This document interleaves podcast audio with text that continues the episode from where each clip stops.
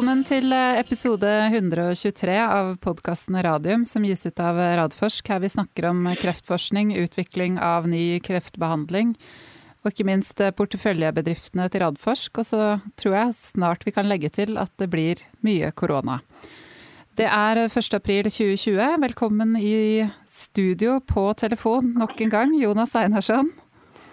Takk skal du ha, Elisabeth. Alt, alt er bra på hjemmekontor?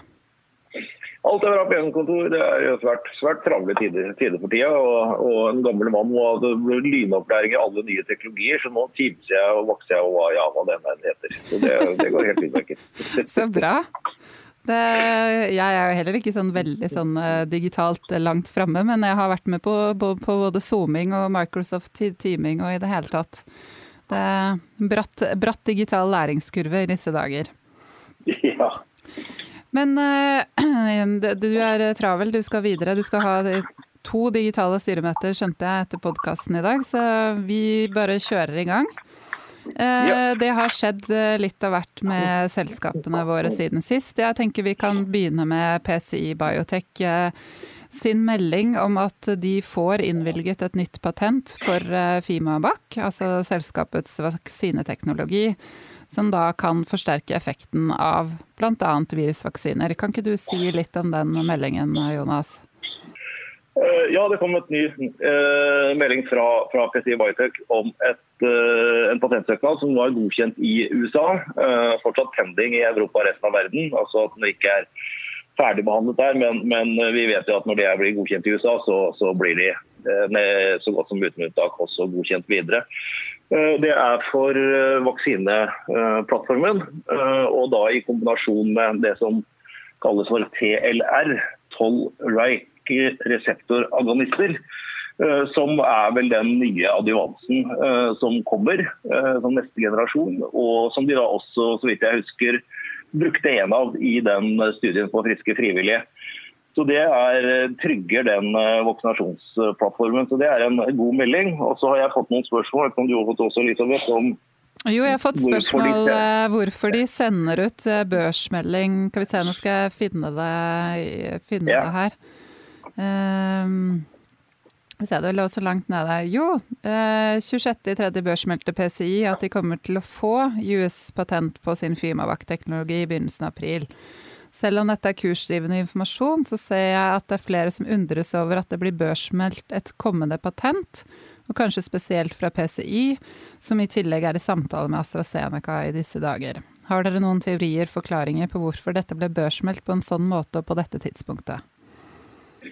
Ja, Det er jo hyggelig at uh, eh, podkasten Radium ikke bare har teorier, men har fasiten. Eh, det er eh, så enkelt som at PCI har sagt at de skal melde når de får godkjent patenter. Og så er det også sånn at Når man får et godkjent patent, så får man et brev en tre ukers tid i forveien som sier at på den og den datoen så vil dere få dette patentet godkjent. Eh, og Det er bare, bare noen stempler som mangler. Dette er, dette er, helt vanlig. Og Det vanlige er at man venter med å sende ut den meldingen til man har fått dette endelige brevet. Det hadde seg sånn at Denne datoen som de da ble varsla om, den havna midt i påskeferien. Og Da var dette en enkel og grei avgjørelse å si at eh, istedenfor å sende ut en børsmelding på skjærtorsdag, så sender vi den ut nå, for vi har like godt hold for den. Så Det var hele forklaringen. Ja, så bra. Eh, og så har vi en annen nyhet fra PC Biotech, og det er at de får en eh, ny eh, medisinsk sjef, doktor Amir Snapir. Eh, som virker som at har en veldig spennende bakgrunn og utdannelse fra Finland, og som nå skal ta over da, eh, og kjøre det kliniske programmet som eh, PCI har, og da spesielt eh, release-studien. Kan, ja. Vet du noe mer om han, Jonas? Jeg kjenner ikke til, til doktor Snapir fra før, men jeg har kikket litt på han. og det som er spennende er at I tillegg til den, den kliniske jobben og det han har gjort der, så, så har han også jobbet mye med, med business collaborations uh, og, og, allianser, som det står i, i, i børsmeldingen. Eh, så dette vil jo helt klart også styrke PCI på BD-siden, på business development-siden. Eh, og vi vet jo at de muligens har noen samtaler med noen selskaper rundt det, så det, det er, vel, er, er, vel, fint. Det høres eh, bra ut. Og så kom det tikket inn en melding fra Vaxibody tidligere i dag, som er jo kjempespennende. Altså de melder da at de skal nå starte å forske aktivt innenfor infeksjonsmedisin. Med å bruke da sin, sin Vaxibody-teknologiplattform.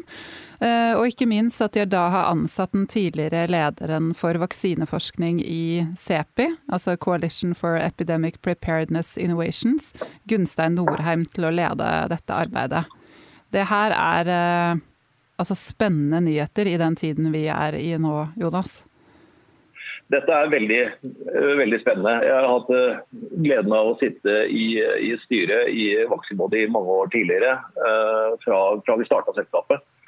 Eh, og Den store utfordringen med Maximodi var at denne teknologiplattformen er altså så anvendelig og så god til så mange forskjellige områder at vi eh, brukte mye tid, kanskje litt for mye, men vi brukte mye tid på å finne ut hvilke eh, områder av denne spennende teknologien er det vi kan ta ut først, sånn at vi får oppmerksomhet og får mulige investorer inn i selskapet. Eh, og Vi valgte da å, å gå aller først for, for, denne som nå ble, ble denne som man brukte på livmorhalskreft. Og så kom da denne neantigen-plattformen som nummer to, som, som, de nå ser ut til å være det største satsingsområdet deres. Og så har vi hele tiden visst at denne plattformen har et fantastisk potensial innenfor infeksjonsmedisin.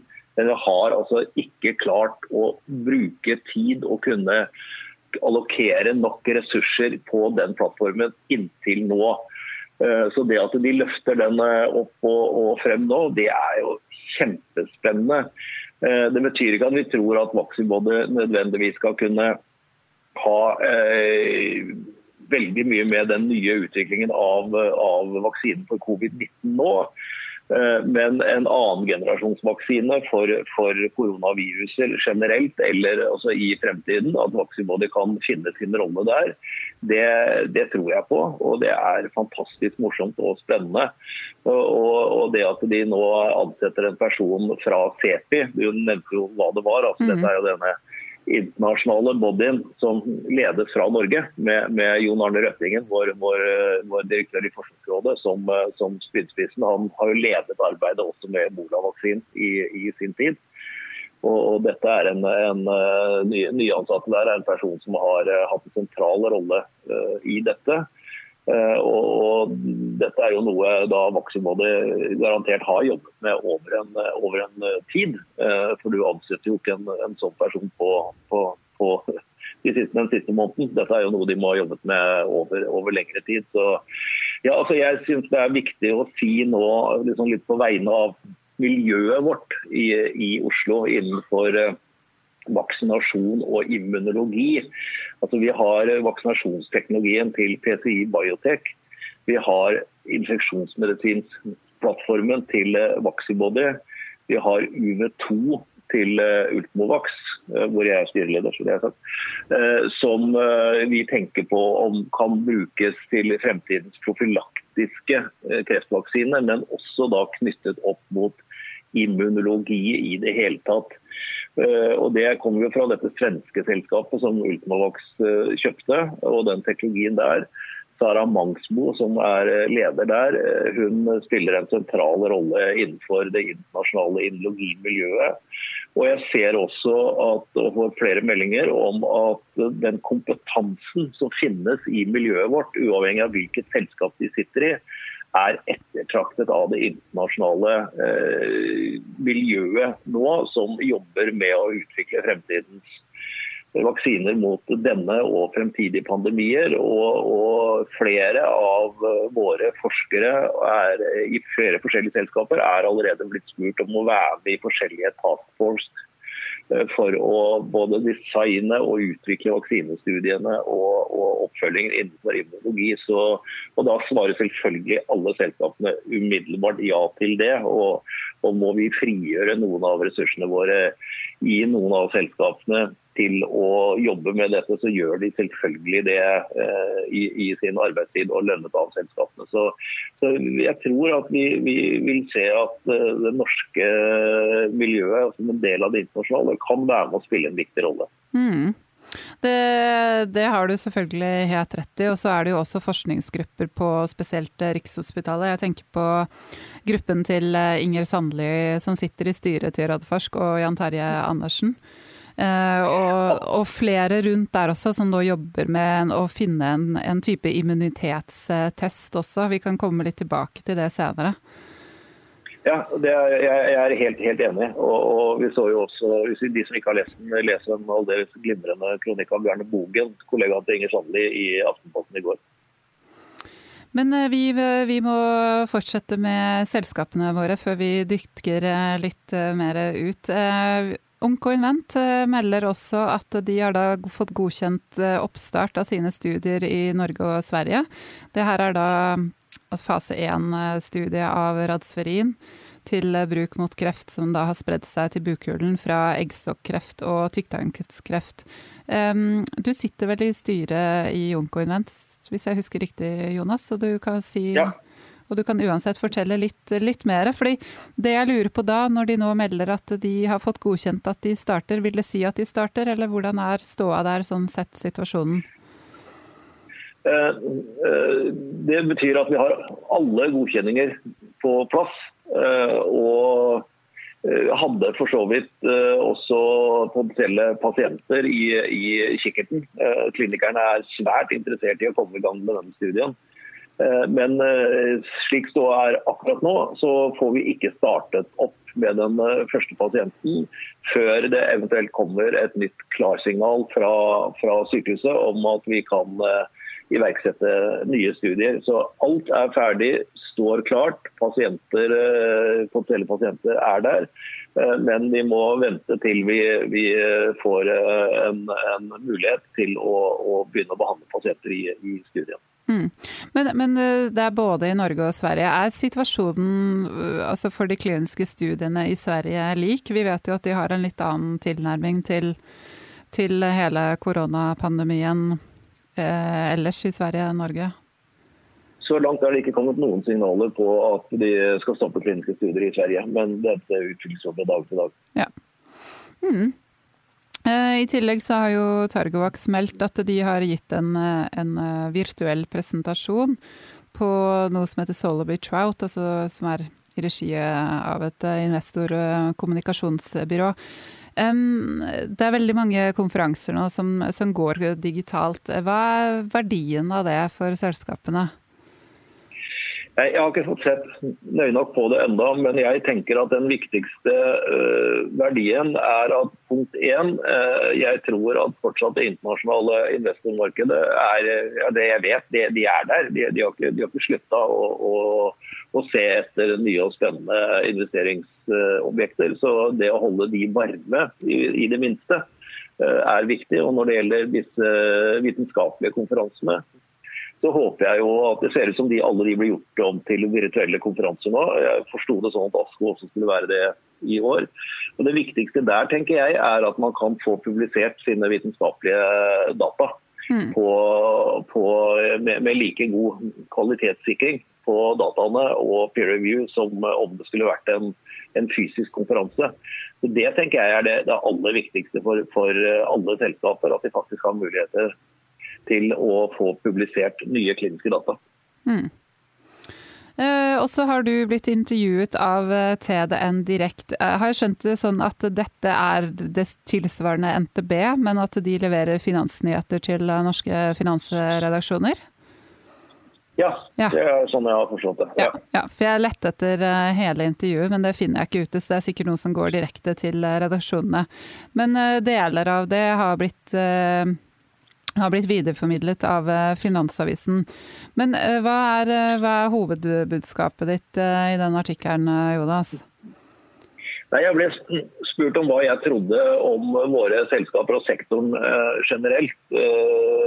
Og, og hvordan, hvordan, det ville gå med, med disse selskapene.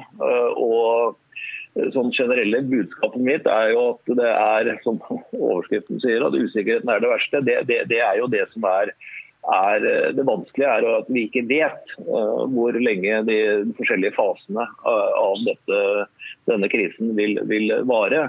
Men budskapet er også at alle selskapene jobber på spreng med å gjøre seg klare til å ha mest mulig sites åpne, Eh, kunne rekruttere pasienter raskere enn man ellers ville gjort, fordi man ikke ruller ut sites over tid, men kanskje har en masse sites klare eh, når, når eh, krisen letner. Og i tillegg at det ikke er sånn at man har stoppet inklusjonen av nye studier eller åpning av nye studier over hele verden. Det er forskjellig fra land til land. Eh, et av selskapene våre vet jeg inkluderte pasienter i eh, USA i forrige uke. Mm. Så, så, og dette vil gå i bølger, tenker jeg. Vi kan godt se for oss at, at selskaper som jobber opp mot Kina, hvilket noen av selskapene gjør, vil komme kanskje veldig kjapt i gang i, med, med, både samarbeid og eventuelle kliniske studier i Kina. Det kan se sånn ut. Og så er det selvfølgelig ikke noe inklusjon av kliniske eh, studier og pasienter i New York i, i disse dager. Eh, men, men eh, det, USA er jo et helt kontinent, og der vil det være noen, noen stater hvor man, man, fortsatt gjør det, og andre hvor man vil være mer, mer restriktiv på det, i hvert fall i perioder. Men så er det jo også sånn at i, Spesielt i USA, jeg vet jo ikke hvordan dette vil slå ut, men et sykehus som f.eks. MD Andersen, de vil jo sørge for å gjøre alt det de kan for at deres kreftpasienter får den behandlingen de skal ha. Eh, fordi Selv om vi oppretter disse spesialsykehusene og egne avdelinger i sykehusene for det de nå har begynt å kalle for koronasløyfer, altså dvs. Si at de pasientene som blir innlagt med mistanke om eh, koronasmitte, de vil gå inn i helt sånn egne sløyfer i forhold til hvordan de behandles og hvordan de, de da avsondres fra disse andre kliniske sløyfene, hvor man skal drive så god som mulig og, og like god som tidligere behandling av alle andre pasienter. Og, og som jeg nevner MD Andersen spesielt, så er det jo fordi at de har vært så veldig tydelige på at kliniske studier for pasienter, spesielt med det vi kaller for unmet medical need, det er en del av standard of care. Så de vil hegne om disse, disse pasientene og, og, de kliniske studiene, fordi det faktisk er den beste behandlingen de kan gi. Eh, så det, er mye som tilsier at vi bør kunne relativt raskt ha den nye normalen, som jeg egentlig kaller det. fordi Det er klart, det er ikke sånn at all uh, måte vi behandler pasienter på sykehus og inkludert kliniske studier, vil om to måneder gå tilbake til der vi var i desember. Eh, sånn er det bare ikke. Eh, men eh, vi vil nå se at vi heller ikke kan leve med den lockdownen og, og alle tiltakene som er satt i gang nå. Jeg mener jo at de norske myndighetene har gjort en veldig god jobb, og dette er helt riktig. Men så må vi finne ut i mai, juni, juli hva blir den nye normalen. Og Det er inkludert med at man slutter ikke å gjøre kliniske studier. Så, så jeg men igjen, å spå om dette er så fryktelig vanskelig, så usikkerheten er den verste. Men vi ønsker at alle selskapene jobber som om de er back on track i løpet av relativt kort tid. Mm. Og så En annen ting du sier i den artikkelen, er jo det at eh, det, det, er ikke noe mindre aktivitet i forhold til samtaler med stor farma. Det, der har du den samme interessen, eller kanskje til og med mer interesse. Ja, jeg, og det, det, det, er den tilbakemeldingen jeg får. Eh, jeg har mye kontakt med, med de forskjellige selskapene nå i, i disse dagene.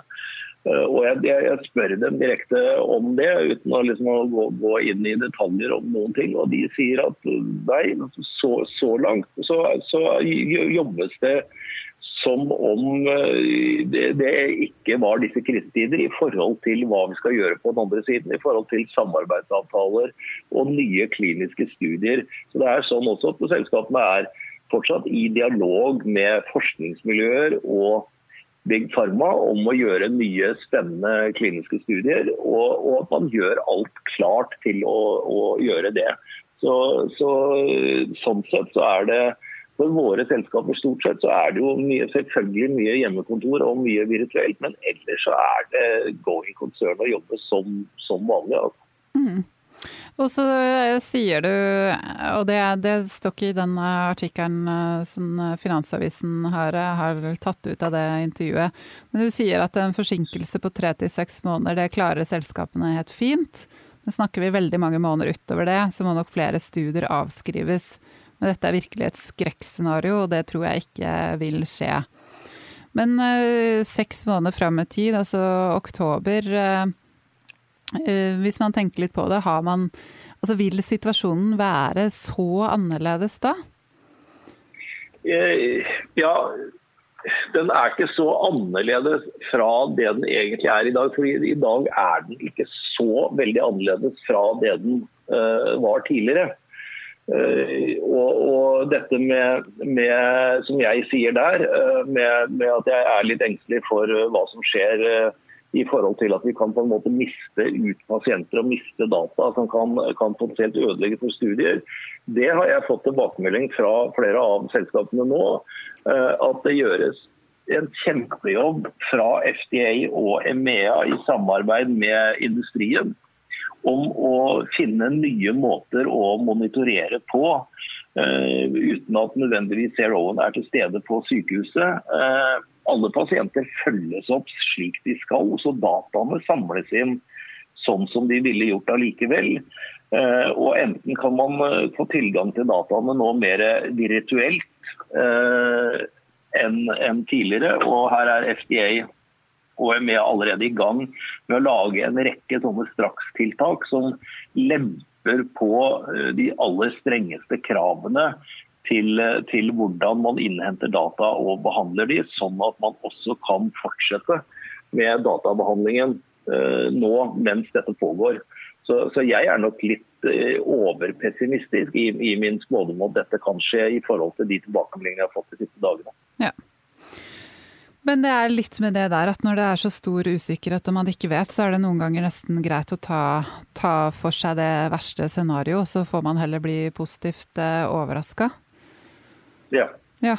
Eller ikke alltid, men uh, kan, kan, kan, i hvert fall være noe man, hvis, hvis, man er forberedt på det, så, så kan det i hvert fall bedre. Være forberedt på alle, ja, være forberedt på alle scenarioer, tenker jeg. Ja. Og det er det, det er det, vi forsøker å, å, å, være. Ja. Er det noe annet uh, nytt du har fra selskapene som jeg ikke har nevnt uh, da?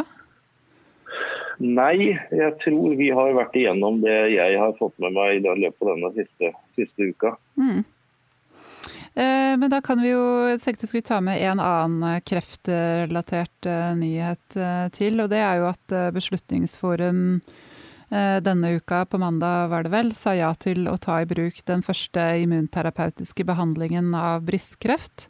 Dette er en sånn PDLN-hemmer, altså sjekkpunkthemmer, som heter Atesolysumab, som er utviklet av Roche, og da til behandling av en veldig aggressiv form for eh, brystkreft, en såkalt trippel negativ brystkreft.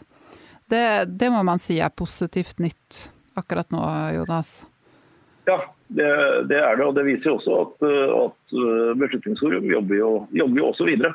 Mm. Og, og, fatter sine beslutninger nå. Så det, det syns jeg er kjempefint. Så det er, det er klart at innenfor denne det har vært mye diskusjoner rundt, eh, rundt behandlingen med immunterapi for denne veldig veldig aggressive brystkreftformen. Så det er, det er, helt klart positivt, ja.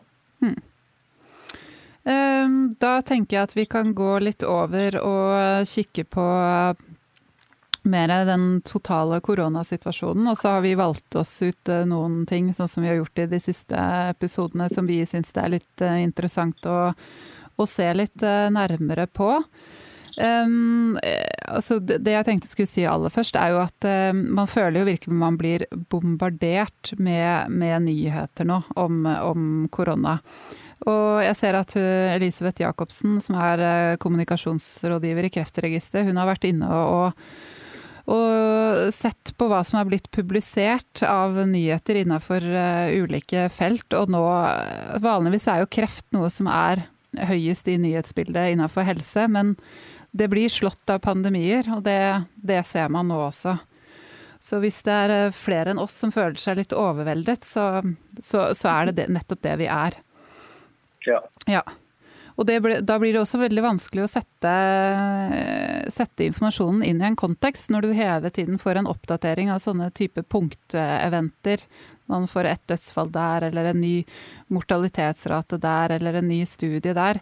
Sånn at um, jeg tenker vi skal prøve å, å, å ha litt den der konteksten i, mente når vi prater nå. Men det som i hvert fall var status uh, i går, det er jo det at 90 eh, 000 er blitt testet i Norge for uh, koronaviruset. Og så er det 460, nei, 4643 som er smittet. Men her vil det jo være store mørketall, i og med at det er ja stort sett eh, helsepersonell som blir, eh, blir testet, og, og, de i risikogruppen. Um, det er 317 som er innlagt på sykehuset i Norge, og det er 97 på respirator. Jeg vet ikke om du har vært inne og kikka på den kurven til Helsedirektoratet, Jonas, men den begynner jo nå å flate ut. Den har jo ikke den der eksponentielle veksten enda. Nei, Jeg kan love deg at jeg har vært inne og kikka på den. Eh, og alle kurvene eh, hver dag. Eh, nei, jeg syns liksom de, de, de, virkelig spennende dataene begynte å tikke inn for tre-fire dager siden. fordi da var det gått såpass lang tid fra vi satte inn tiltakene at vi burde kunne begynne å få noen antydninger om tiltakene fungerer eller ikke. Eh, og så langt så ser det ut som om tiltakene fungerer. Eh, og det er flere eh, av disse kurvene man kan, kan se på. Jeg syns fortsatt at den viktigste parameteret er antall innlagte. Mm. Fordi det, det, er liksom det vi egentlig kan stole mest på. fordi Når det gjelder antall smittede, som du sier, så, så, så, sier det oss relativt lite. Eh, det det sier, er at vi fortsatt ligger på ca. mellom 4 og 5% av de som blir testa, er positive. Så Det betyr jo også at av de 90 000 vi har testa, så er det ca. 95% av de som har hatt luftveissymptomer og vært syke.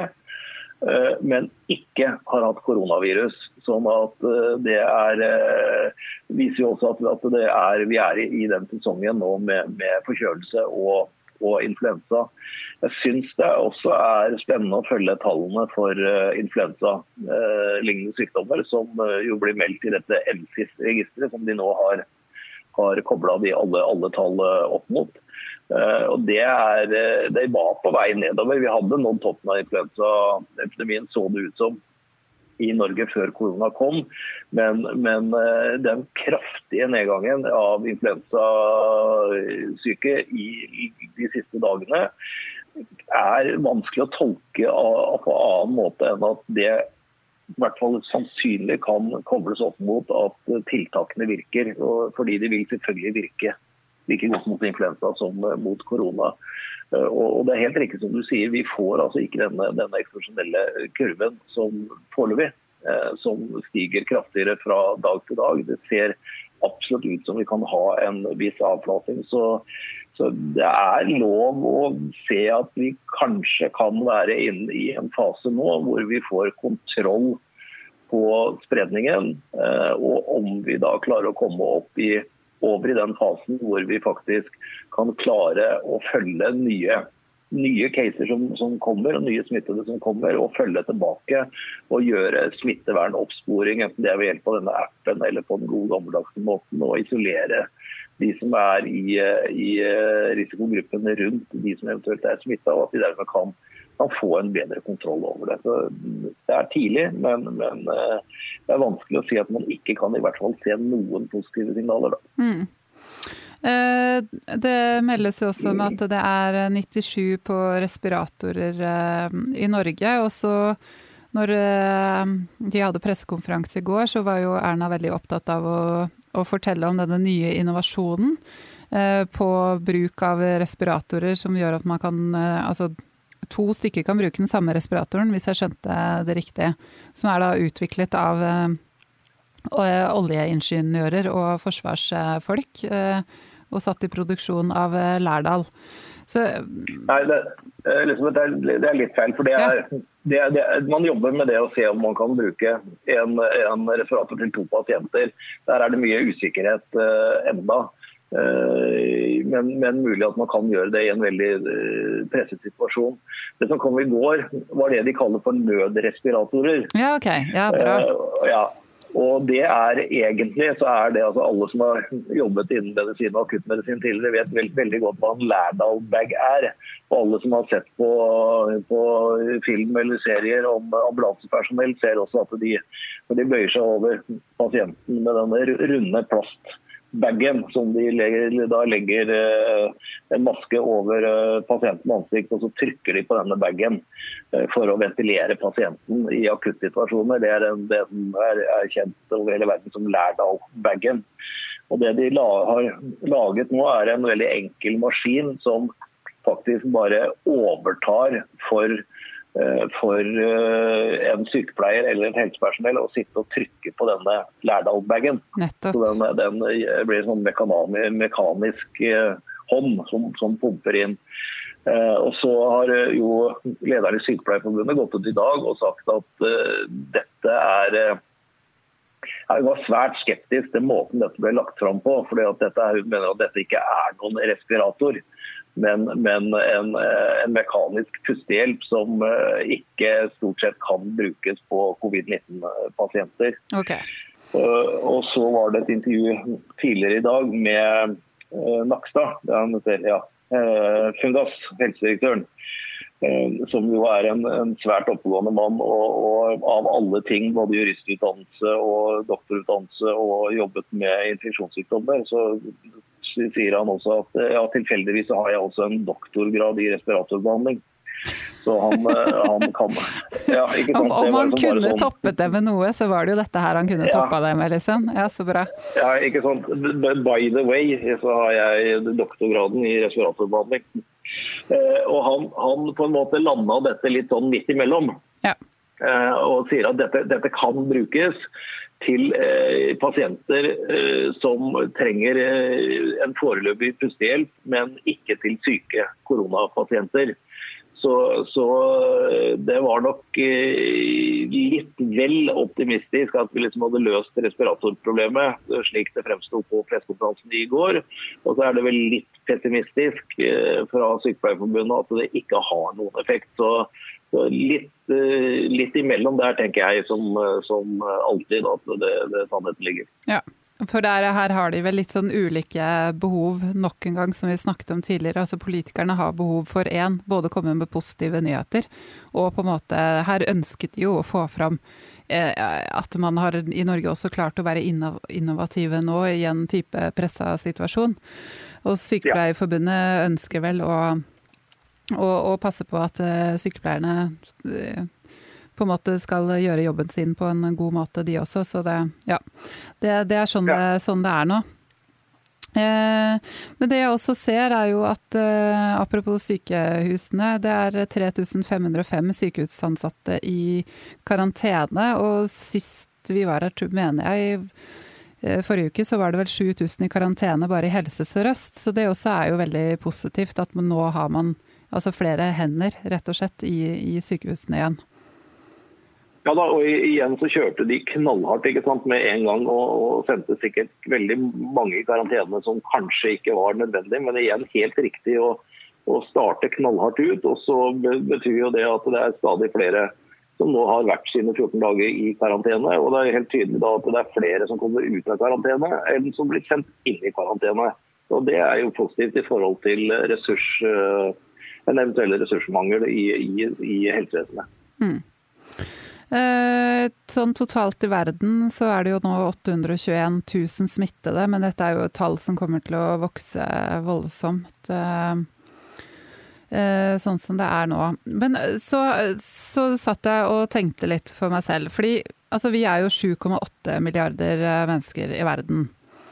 Og så Hvis vi ser på den dødeligheten, hvis man antar at dødeligheten for, for viruset er rundt, rundt 1 så, så er det jeg som er het på jordet, eller betyr ikke det at det, det er ca. 78 millioner mennesker som da kan dø av viruset om man ikke blir behandlet?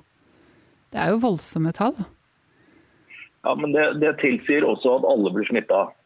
Mm. Uh, og det, det, gjør det ikke. Uh, fordi det vil, det vil, oppstå en flokkimmunitet lenge, lenge før alle er smitta. Ja, for den er sånn på 50-60 er det ikke da? 50-60 ja. ja. Så man kan ta 78 sånn at, delt på to, da? Ja. Uh, og i, i, igjen er dette, det, dette er tall som er fryktelig vanskelig å, å forholde seg til. og, og og det er, men, men igjen, det, den type tall er det som skjer hvis man ikke gjør noe. Mm. Og det gjør, det gjør, vi jo. Ja. Eh, men i, i, områder som i flyktningleirer i Syria og andre steder hvor man faktisk ikke kan gjøre noe, så kan vi se sånne tall. Mm. Og kanskje i Afrika også, hvor man ikke har så stor tilgang ikke, ikke, over hele kontinentet, men selvfølgelig noen områder hvor man ikke har den tilgangen til, til varmt vann eh, og, og, såpe. Men eh, for jeg ser at det har vært eh, stått en del i, i mediene om altså variasjonen i dødelighetstallene og hva det kan skyldes. Eh, fordi man opererer jo nå med, med dødelighetstall i Italia på 10% i Spania på 7 eh, mens i Norge og Tyskland så er dødeligheten på under 1% Men skyldes ikke dette her bare at man regner dødelighet ut fra antall eh, som er altså testet og, og, smittet, og ikke ta med seg de mørketallene? For den syns jeg det er litt viktig å få en, få en sånn eh, kontekst på her. Ja, og, og, mørketallene er jo egentlig positive tall, da. Ja, ikke sant? Eh, ikke sant? Fordi at, eh, Man liksom tenker seg at mørketallene oi, da er det mye verre enn det vi vet, men, men, det er jo ikke det. For Det er jo alle de som går igjennom dette med, med så, så, lite symptomer, eller bare har en egen hjemmekarantene og aldri blir registrert som, uh, som smittet. Eh, de tallene der tror jeg ikke vi skal få vite noe særlig om før vi eventuelt nå kommer i en fase hvor vi kan teste eh, alle eh, og se om de har gått gjennom sykdommen eller ikke. Da vil vi få tall som vi kan, eh, kan modellere og, og, finne ut hva var den reelle dødeligheten. Mm. Ja, for jeg ser også at Imperial College de hadde jo en forskningsrapport eh, i går hvor de viser at dødeligheten er på 1,38% blant de som er smittet, og så justerer de den til 0,66% dødelighet når du har smittede uten symptomer. At de også, også tas med. Men jeg bare tenker det er sånn greit når man leser om, om, at det er så mange som dør, at man husker på at de, det er mørketall. Fordi ca. 80% vil jo gå gjennom dette kanskje uten å merke det noe særlig. Ja, det er riktig. Mm. Men hva, hva, tror du vil eh, skje framover nå, da? Både Mette Fredriksen, altså statsministeren i Danmark, og også Erna Solberg, statsminister i Norge, på pressekonferansen i går, mm, sier jo også dette at det er grunn til forsiktig optimisme fordi ting går litt bedre nå. Hva, hva tror du man kan vente seg over påske?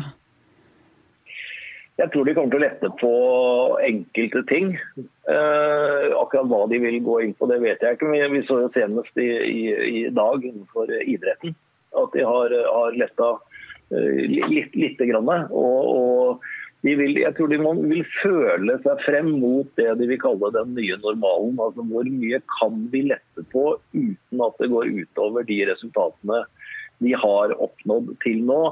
Eh, det som blir den nye normalen, blir jo dette med, med, med sosial distanse, som har blitt dette nye, nye begrepet. At vi, at vi med, mennesker må, må, eh, i en periode, og kanskje en lengre periode, begynne å tenke på at vi ikke alltid kan gå i flokk. Uh, og at vi må ta de, de vanlige smittevernhensyn, og kanskje vi klare å tillegge oss eh, vaner med, med disse standardtingene med å vaske hendene og, og, og nyse i eller aller helst i et, i et lommetørkle. At, det, at det vil bli den nye normalen, for det burde det jo være. Mm. Eh, men, men jeg, jeg, tror vi vil se det er veldig vanskelig å si, men jeg tror ikke de kommer nå om, om en drøy uke og sier at vi, vi, fortsetter med alle tiltakene slik de er i dag. Det tror jeg ikke. Jeg tror det vil komme, komme noen, noen lettelser på forskjellige ting. Ja, og så tror jeg man kan, sånn som du sier, altså den nye normalen vil jo ikke bli at vi kan vende tilbake sånn som uh, livet var for, uh, altså før 12. mars. Men uh, man kan jo f.eks. se for seg at hvis man begynner å åpne opp litt på skolene, at man kanskje har en to timers skoledag med halve klasser for de minste barna. Det samme med barnehagene, at man på en måte man, man lemper opp der man kanskje ser at nytten er størst og risikoen for smitte er minst? Ja, det, det er mulig. Eh, hva, de, hva, de kommer fram til, hva som er riktig, skal ikke jeg mene noe om. Men, men, men noe kommer til å skje til det. Ja. Eh, hvis vi ser på økonomi, så la jo regjeringen eh, forslaget fram for en ny krisepakke til bedrifter på fredag 27.3, og den ble jo vedtatt i Stortinget 31.3, altså i går. Der opposisjonen altså nok en gang gikk litt lengre enn regjeringen. Har du fått eh, kikka noe særlig på det forliket fra Stortinget? Det er vel da særlig Investinor som har fått eh, mye mer støtte, og så skal det vel ses på opsjonsbeskatning. Hva, hva tenker du den, altså de pakkene nå, har det noe betydning for selskapene våre? Eh, både ja og nei. Eh, Investinor, ja. Jeg diskuterte med, med Investinor senest en time før vi, vi starta podkasten nå. og De har jo fått, uh, fått mer penger og fått noe utvidet mandat, men det er fortsatt en del uavklarte ting som de nå jobber med. Men jeg tror at Investinor kan spille en svært viktig rolle i uh, finansieringen av de minste og nyeste og kanskje litt opp til mellomstore selskapene, i form av at de kan være mer aktive i i, eh, i nye finansieringsrunder. Så jeg tror Investinor kan spille en, en, viktig rolle der. Og ellers så er det egentlig avvente til fredag, tenker jeg, med å se hva, hva den tiltakspakken nå blir til. For det er jo liksom litt det er rammer som har kommet nå, og så kommer det mer, mye mer konkret nå på fredag. Mm. Men hva hadde vært viktigst å fått på plass for våre selskaper, da? Det jeg har spilt inn, eh, som vi, snakket om i, i, i, forrige uke, er jo en, en, låneordning som er knyttet opp til eh, langsiktighet og nedbetaling eh, knyttet direkte opp til kommersialiseringsgevinster. Mm. Og ikke at det må betales tilbake mens de fortsatt driver forskning og utvikling. Det er jeg helt overbevist om at det hadde vært et desidert mest kraftfulle tiltaket for våre selskaper. Mm. Eh, vi skal snart gå inn for landing, for jeg ser at eh, du snart skal eh, videre i neste, neste møte. Men jeg tenkte vi må ha noen gode, gode forskningsnyheter på slutten. Og det første er jo denne Solidarity-studien som settes opp nå i regi av WHO, som Norge er med på. Det er faktisk 22 norske sykehus som skal inkludere opptil 1000 pasienter rammet av covid-19. Um, og den, den, studien koordineres da internasjonalt av, eh, av Jon Arne Røttingen, som er leder av Forskningsrådet, og som var uh, en av de som sto bak hvordan man fikk uh, rett og slett bukt på ebolaviruset med å sette opp en, en vaksinasjonsmåte der. Uh, vi har jo allerede gått i gang med å behandle første pasient i den studien. Det vil da si at en tredjedel skal få vanlig behandling. En tredjedel skal få remdesivir, altså den ebola-medisinen, og en tredjedel skal få plakinil, som er en type klorokin-malaria-medisin. Ehm, det er jo gøy at vi klarer å starte opp og eh, være i front av en sånn type internasjonalt eh, prestisjestudie, Jodas? Jeg synes Det er kjempefint. og Det viser at innen, eh, innenfor infeksjonsmedisin og vaksinasjon så er, er Norge helt med Eh, i, i verdenseliten der, og spesielt med å, å organisere det. Husk at vi, vi, Det var også vi i Norge som organiserte hele den superstore uh, studien som gjorde at vi fikk HPV-vaksinen for, for ja. livmorhalskreft i, i, sin tid. Uh, og, og en, en, av de som var med å lede den studien, er jo Øyvind Arnesen, som er CEO i Ultimovax. Så han har også gode, råd å komme med i, i forbindelse med dette. Så jeg syns det er, er, veldig positivt. og det er klart at Jo bedre rekruttering internasjonalt man får til denne studien, jo raskere man får inn mest mulig pasienter, jo raskere vil man kunne trekke konklusjoner på om dette virker og har noen effekt eller ikke. Mm. Eh, også I tillegg så ser jeg at det er planlagt studier i Norge på andre eldre og godkjente medisiner, bl.a. en antiviral hiv-behandling og, og, et, eh, eh, og et interferon som brukes til å behandle MS. Jeg tror vi skal avslutte med et, et lytterspørsmål, bare så vi får tatt med oss det før vi avslutter. Ja. Eh, fordi der var det en lytter som hørte på podkasten forrige uke, altså nummer 122, hvor det ble sagt at forsøk utført med remdesivir og klorokin ble omtalt som anekdotiske, og som mener at eh, Eller spørsmålet er eh, kan det ikke tenkes situasjoner der det er riktig å lette på kravet om 100% riktig utforming av vitenskapelige tester, når utførte anvendelser gjør det sannsynlig at, at behandlingen virker? Ja, eh, jeg har kikket på den, eh, det spørsmålet som kom inn, og også de studiene som, eh, som den lytteren henviser til. At når jeg sier omtaler dette som anekdotiske, så, så lener jeg meg på Anthony Forci i, i, USA, som er verdens fremste spesialist på det. Og De studiene som, som, er nevnt her, det er gode studier. Men den ene er ikke randomisert, og, og den andre randomiserte har også 100 eh, pasienter. Eh, og det er, disse, det er, nettopp disse studiene som Fortsi henviser til som anekdotiske. Det betyr ikke at det ikke kan være riktig det som er der. Men, og Det er disse studiene og flere som danner grunnlaget for at man faktisk har satt i gang å behandle pasienter med dette. Men ikke alle inntil vi vet om det er farlig, eller om det har den effekten vi, vi, ønsker. Det er egentlig ikke noen motsetninger i dette her.